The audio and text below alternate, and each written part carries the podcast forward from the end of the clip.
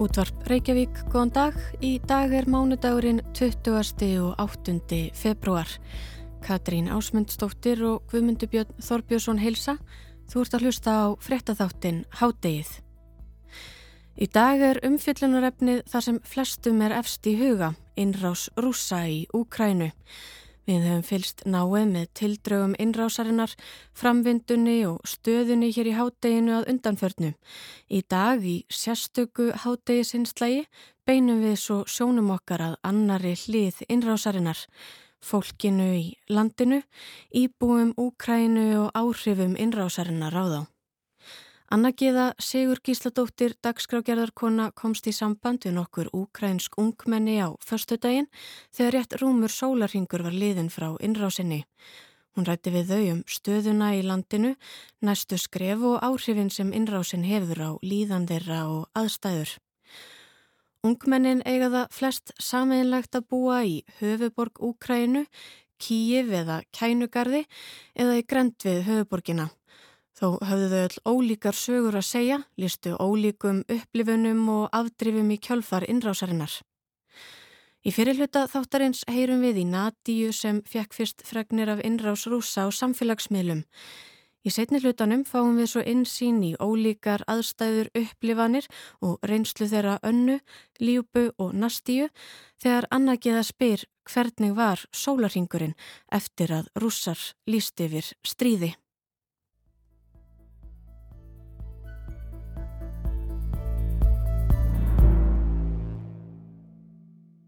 Síðastleginn festudagsmorgun þegar að réttrúmur sólarhingur var liðin frá innrás rúsa spjallaði ég við nokkur úkrænsk ungmenni um stöðuna og líðan þeirra. Þegar kom að búa til spjallþráð á Google Meets og þánga komuðu inn út þegar þeim hendaði. Svo fyrsta sem kom inn á spjallþráðin var Nadia. Nadia hefur búið í kænugarði síðustu sex árin. Fjölskyldinnar býr hins vegar í vesturluta Úkrænu. Hi, Anna. Hæ Nadja. Yeah, my name is Nadia. I would rather not say my last Af name. öryggis ástæðum vil hún ekki gefa upp eftirnafn sitt. Ég beðan um að lýsa raunum sólringsins. Það er að segja frá því að stríði var lýst yfir. Events yesterday were a bit crazy. I usually sleep in so chill, and yesterday I woke up like at around five o'clock in the morning. I was like, what? Nadja segist að hafa vaknað klukkan 5 um nótt, kíkt á samfélagsmiðla og séð að Rúsland hefði ráðist inn í Úgrænu. Þegar klukkan var orðin 7 um morgunin var ég múin að fara gegnum allan skalan af tilfinningum, segir hún. Finnast ég hjálparlaus, velta fyrir mér hvað þetta fær í felur í kjallarnum hjá fóreldrum mínum eða ætti ég kannski að yfirgefa landið. Ég vil finna mér vopn og fara að berjast með samlendum mínum. Ég vissi ekki hvað eitt að gera og eftir að hafa rætt lengi og vel við fóreldra mína ákveðum við að það veri best að ég yfirgefi landið. Þau vilja ekki fara, segir hún. Þau er hvorki vegabrjöf Nýja vilja þau yfirgefa heimilið sitt, þannig að þau verða eftir. Við erum 65 ára gömul og degjum líklega bara úr stressinu sem að fylgir slíkum flótamannaströmmi hefur Natja eftir fóröldrum sínum. Natja leitaði strax að lesta ferð út úr landinu. Hún segir mér að lestir færi tvísvara dag til Pólans en það hefði gengið brusulega að fá lestamiða en það mikið ála á kerfinu. En að lókum fekk hún miða og byrjaði að pakka niður. We never ever talk about love in my family. Never. Like if my dad says that he's love he loves me, he's probably drunk. Við tölum aldrei um ást í okkar fjölskyldu. Ef pappi segir mér að hann elski mig, þá er hann annarkort fullur, já, mjög fullur, eða vill að ég ger sér greiða eins og að panta fyrir hann auka hluti í bílinn á netinu. En í þessu símtali sagðan, elsku Nadja, ég elska þig, farðu. Ég veit ekki hvort ég sé þig aftur, en við mamma þín viljum að þú farir. But for me and for mom, you have to go. And I was like, I'll probably go. I started packing my suitcase. I got, um, I have two different suitcases. Nadja átti erfitt með að velja hluti til að taka með sér, endaði með að taka einungis með sér bakpoka og litla ferðartösku. Þegar hún var búin að pakka voru enn fjórar klukkustundir þar til að lestin færi hún ákvaða að þrýfa íbúðin allar að róa hugan. Hún talaði einni við vinkonu sína sem var í þann mund að flýja frá borginni Odessa. Þessi vinkona er frá Donbass og lagði á samskonarflóta árið 2014. Hún segist ekki geta gengið aftur í gegnum aðra eins hörmungaflutninga þannig að hún og kærastinn ákvaða greiða leigubílstjóra 800 dollara fyrir að keira þau frá Odessa til Kænugars. Ferðalagið tók á endanum 24 klukkustundir en það höfðu vegir víða verið skemdir, segir Nadja. And the taxi driver was okay with driving all that way for almost 24 hours? Ég spyr hana hvort það sé vennilega auðvelt að fá legubíl til þess að keira slíkar vegalengdir með farþega. Hún svaraði því neytandi og getur sér þess til að legubílstjórin hafi sjálfur ætlað að flýja, kannski ekki átt fjölskyldu sem að færi með honum eða jafnvel þurftnöðslega á peningum að halda. Hún segir að 800 dólarar séu töluverur peningur fyrir úkrænumenn. I got on a train, talked to my parents a couple of times there. Um, Nadja kom sér á lestastöðuna þar sem var mannmerð og ringulreið. Hún var enn ekki vissum hver áfangastæðurinnar yrði en ákvaða reyna að komast að minnstakosti 300 km frá landamærum Úkrænu. Því er Nadja nú stött í Pólandi þar sem að hún fylgis með fréttum og er í nánu sambandi við vini og ættingja. I feel really bad for leaving, honestly. Like, I don't know. Á einu tímpunkti brestur hún í grát og segir mér á skammið sín fyrir að hafa yfirgefið landið sitt, yfirgefið samlanda sína.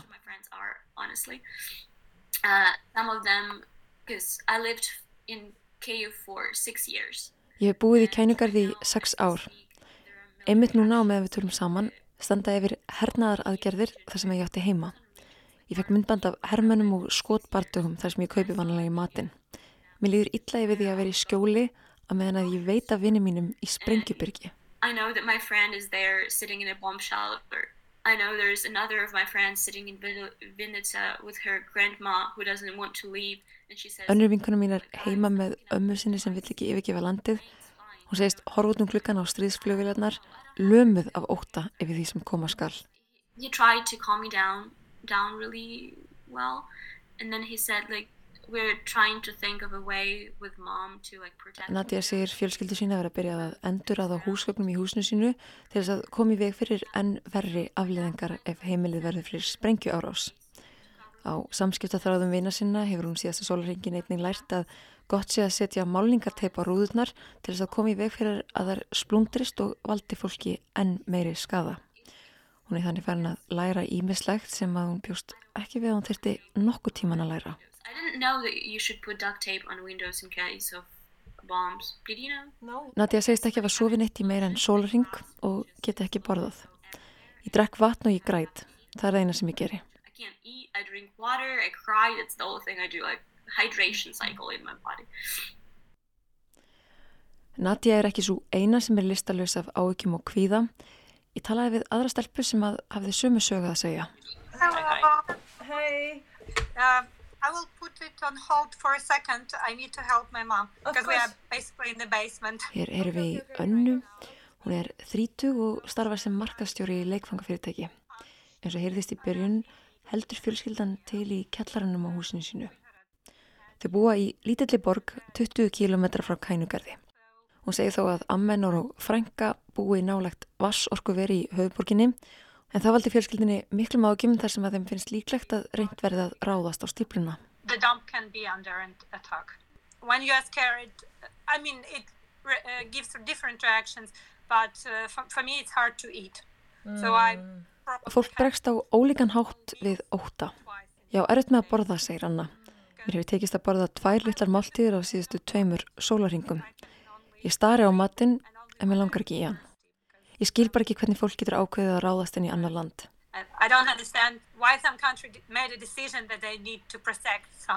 Fjölskylda önnu býr í einbílishúsi með kjallara þar sem þau aðhafast við núna eins og að þau segir. Uh, so we have a basement where we storage food for winter as you can see. Mm -hmm. Þau eru vel byrg af matvælum. Fjölskyldan sapni vanlega matarforða á sumrin að gömlum sið. Anna sínir mér allra handa stórar krukkur með nýðursólnum og súsuðum mat sem þau hafa sjálf útbúið. Hún segist því ekki hafa ágjör af matarskorti. There were uh, many planes passing by so we decided to stay for a while. Mm -hmm. Hún segir mér að fjölskyldan hafi sofið í kjallarnum í nótt og sumulegðis nákvæmnar þeirra sem eru ekki með kjallara. Olga, sýstir önnu, er á táningsaldri Hún krefst þess að þau haldi til í kjallarnum mest megnis.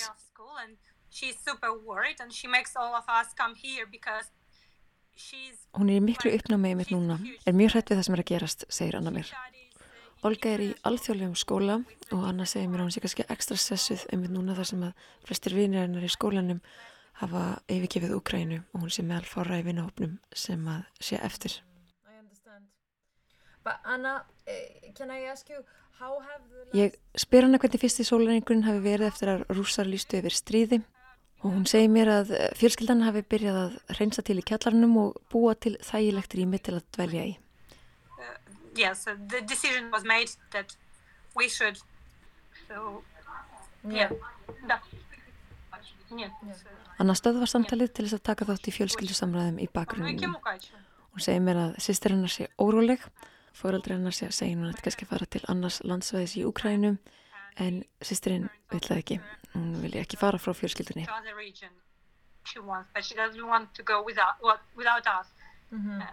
Ég spyr önnu þó hvort að fjölskyldan hafi áður hugleitt að flýja heimkynni sín.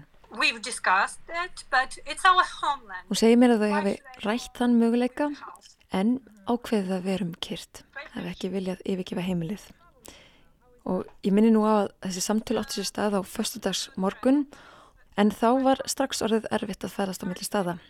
Anna segi mér að, að erfitt sé orðið að fá lestarmiða og sömulegðis bensín á bílana. Að langar raðir séu við bensínstöðvar. En Anna segir að það séu líka aðrar ástæði fyrir því að fjölskyldan vil ekki yfirgefa heimili sitt. Einn þeirra sé svo að þau séu vissum að eigum þeirra verði stólið ef þau fara úr húsinu. Það hefði auðvitað gerst í Tjernobyl þegar að fólki var gert að yfirgefa heimili sín á svipstundu 1986 og sumilegðis í átökunum á Donbass svæðinu 2014.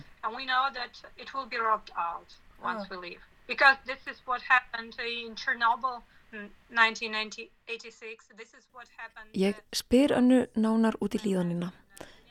Til að byrja með var hún allt í lægi, segir hún. Hún hefði sendt tölvupústa í vinninni og hagað deginum eins og hverjum öðrum. En eftir því sem að rúsar sprengtu meira og meira og eftir því sem að þeir komið nær fór óttin að grafa meira um sig í henni. Really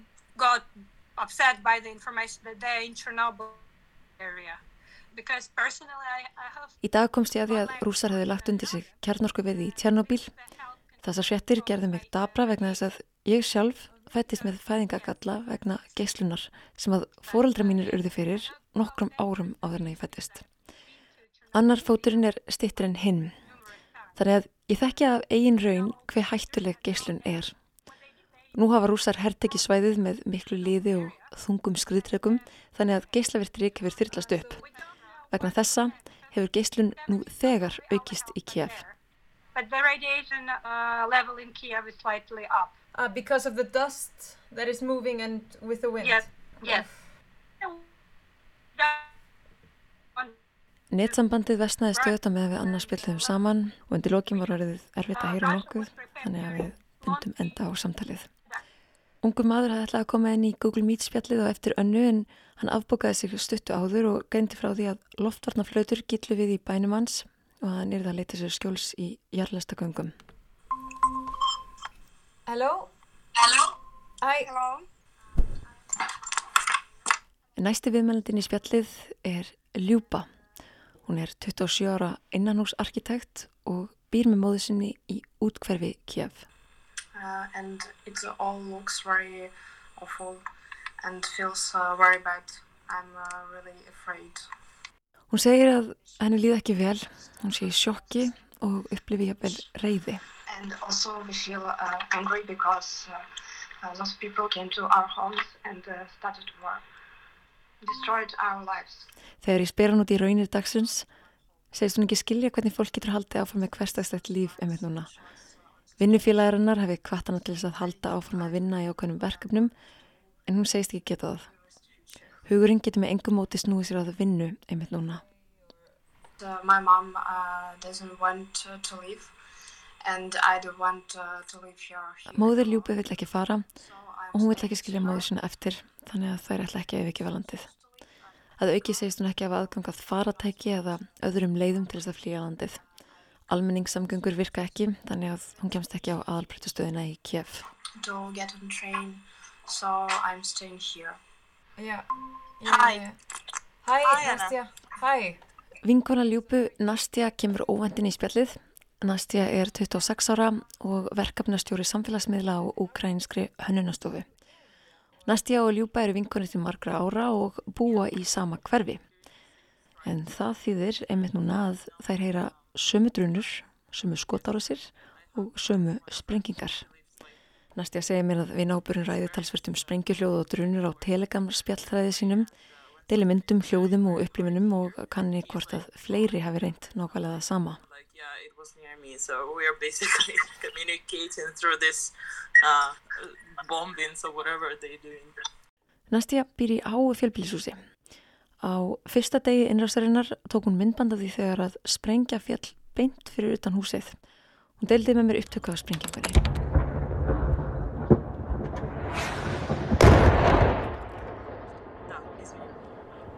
I think this is uh, really crazy thing to do uh, in 21st century to start a war, a war, and uh, really nobody believed that uh, this can happen. And uh, I thought that uh, this will just uh, this Ljúpa segir mér að þrátt fyrir að þau hafa verið undirbúin fyrir innrás hafi enginn búist við stríði eins og þessu. Hún sá fyrir sér minni áttar átök við landamærin en ekki fjölda sprengju árasa í stærri borgum eins og Kiev. Um, yeah, so basically I wasn't uh, sleeping uh, the like last night. The, like the, the En Nastja segist að vatn erfitt með svepp sístu 24 klukkustundir. Þegar ég spyr hana hvort að hún og fjölskyldan hafi velt fyrir sér að flýja, segir hún að þau hafi rætta fyrir svona tíu dögum síðan en ákveðið að vera um kyrt en það viðbúið að karlmenn mættu ekki yfirgefa landið um leið og herrkvæðningarlög tækju gildi. Þar sem að allir karlmenn eru þau skikkaðir í herin. Að aukiði móðurinnar með líkamlega föllun og væri háð föðurinnar um daglegar þarfir. Hún ætti því erfitt með sjálft ferðalagið. Við hefum líka ketti sem okkur þykir ólega vindum, segir Nastja, og við viljum ekki yfirgefa þá.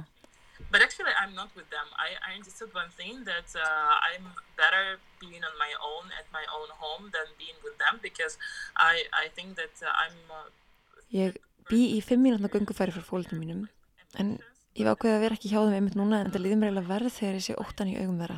Nastja segist taka tilfinningar annara of mikið inn á sig, þannig að henni finnst betra að vera eini í íbúðinni sinni einmitt núna.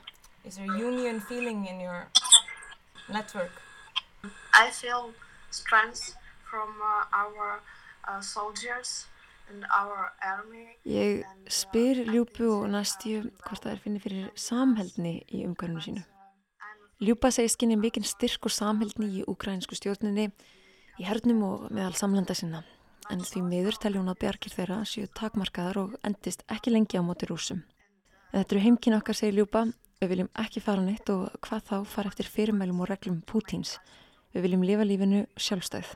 uh, like are like genuinely. Nastja segir skinja mikinn óta í fólki við því hvað koma skal en hún sjáu þó ekki ofsarhæðslu eða stjórnleysi. Fólk sé fremur staðfast í afstöðu sinni og uh, því hvernig það ætla að reyna að komast af í gegnum þetta. Samskiptamiðlar og samskipta upp hjálpi fólki einnig til þess að finna samstöðu. Við erum í stanslusum samskiptum þar sem við hvetjum hvert annað. Að því sögðu eru við döðrætt við að missa allt í einu internetið. Ég er nú þegar farin að lendi í vandræði með nettenginguna þannig að ég býst við að nettið detti út eitthvað tíman. Þessa stundina eru við með rafmagn og vatn og ykkur að nettengingu. En hvað ger ég þegar allt eftir út? Hvernig fylgist ég með fréttum til dæmis? Næsti að finna fyrir svipari reyði og vonleysi og ljúpa greindi frá áðan og segir að í Ukrænu hafi kultúr og innviður ríkisins lengi verið eftir á. Ég tek notabinn eftir að Nastja er strax farin að tala um lífið sem var. En hún heldur áfram. Líf hennar í Kiev hefur verið frábært síðustu árin. Skemmtilegi barir, skemmtistæðir, mikið félagslíf og áhugaverðir vinnustæðir. Kultúrin hafi verið í tölverðari uppbyggingu. En nú sé allt í einu komið stríð og þegar búið að eigðalegja flestar brýr og mikilvægi innviði í kringum Kiev. Við báðum ekki um þetta, segir hún. Þetta er ógeðslegt ástand. Við ættum ekki að þurfa að lifa slíkar hörmungar árið 2022. and it's like 2022. And Natja sem að við heyrðum frá í byrjun þáttarins og segir mér að hvað samheldina var þar að í lestinni alveg frá Kiev til Pólans hafa hún fundið fyrir samheldi sem hún hefur aldrei kynst áður.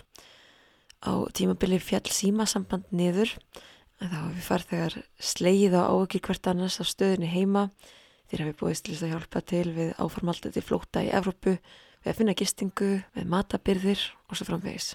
So, like people, I don't know, I've never seen Ukrainians being this united whatsoever. Like, never. Á lókum spyr ég næstíu hvað hún ætla að verja deginum. Pappennar ráðleðinni vist að útbúa einhvers konar skíli inn í íbúðinni, einnig að vera ávalt með greiða leið niður í kjallaran í fjölbílshúsinu til þess að geta leita skjóls þar. Þannig verður dagurinn í dag, segir hún, að búast við ykkur sem mun eða mun ekki gerast og byggja fyrir hernum, byggja fyrir að þeir ná að verja fólkið fyrir hér rúsa. Uh, also, I know that some of my friends uh, slept in uh, their best tubes tonight uh, because it's like the... Ljúpa bætir við að sumir vinnir þeirra hafi sofið í baðkarinu síðustu nótt. Það sé vist örgasti svepstæður heimilisins. It's, they, I, I feel that they might do that. Oh, it just happened right now. It's the electro station near my home. And eins og heyrum á varð önnur sprenging fyrir utan klukkan hérna stíu á meðan við tölum saman Hún vísa myndavelin í símanum að reiknum og segir mér að nú sé búið að sprengja rafmagnsspennustöð hverfisins. Rafmagnið er því vendanlega farið. Do you feel already that the electricity has gone out? I, I will turn it. Hún aðtóðar hvort rafmagnið sé á. No, it's off. Það er farið. So it's basically off for the whole region. Yeah. I hope that it wouldn't happen, but it happens eventually. Spjall okkar líkust út eftir þetta. Ég hef búist við fleirum inn á Google Meets spjallið okkar en Nastja sendi mér skilabóð um að eh, flestu væri nú flúnir í neðanjarar byrgi eða farinir burt frá heimili sínu í leita skjóli. Eins og áður segir þá átti þetta spjallið stað rétt fyrir háti á förstu daginn. Ég heyrði aftur í Nastju í gerkvöldi þá staðast hún hafast við í kjallarannum í fjölbílisúsi sínum. Enn er rámakslust en þó er nettsamband. Hverfum mitt logar, skrifa hún mér og sendi myndbund af springingum og reikmekki sem við á það sjá.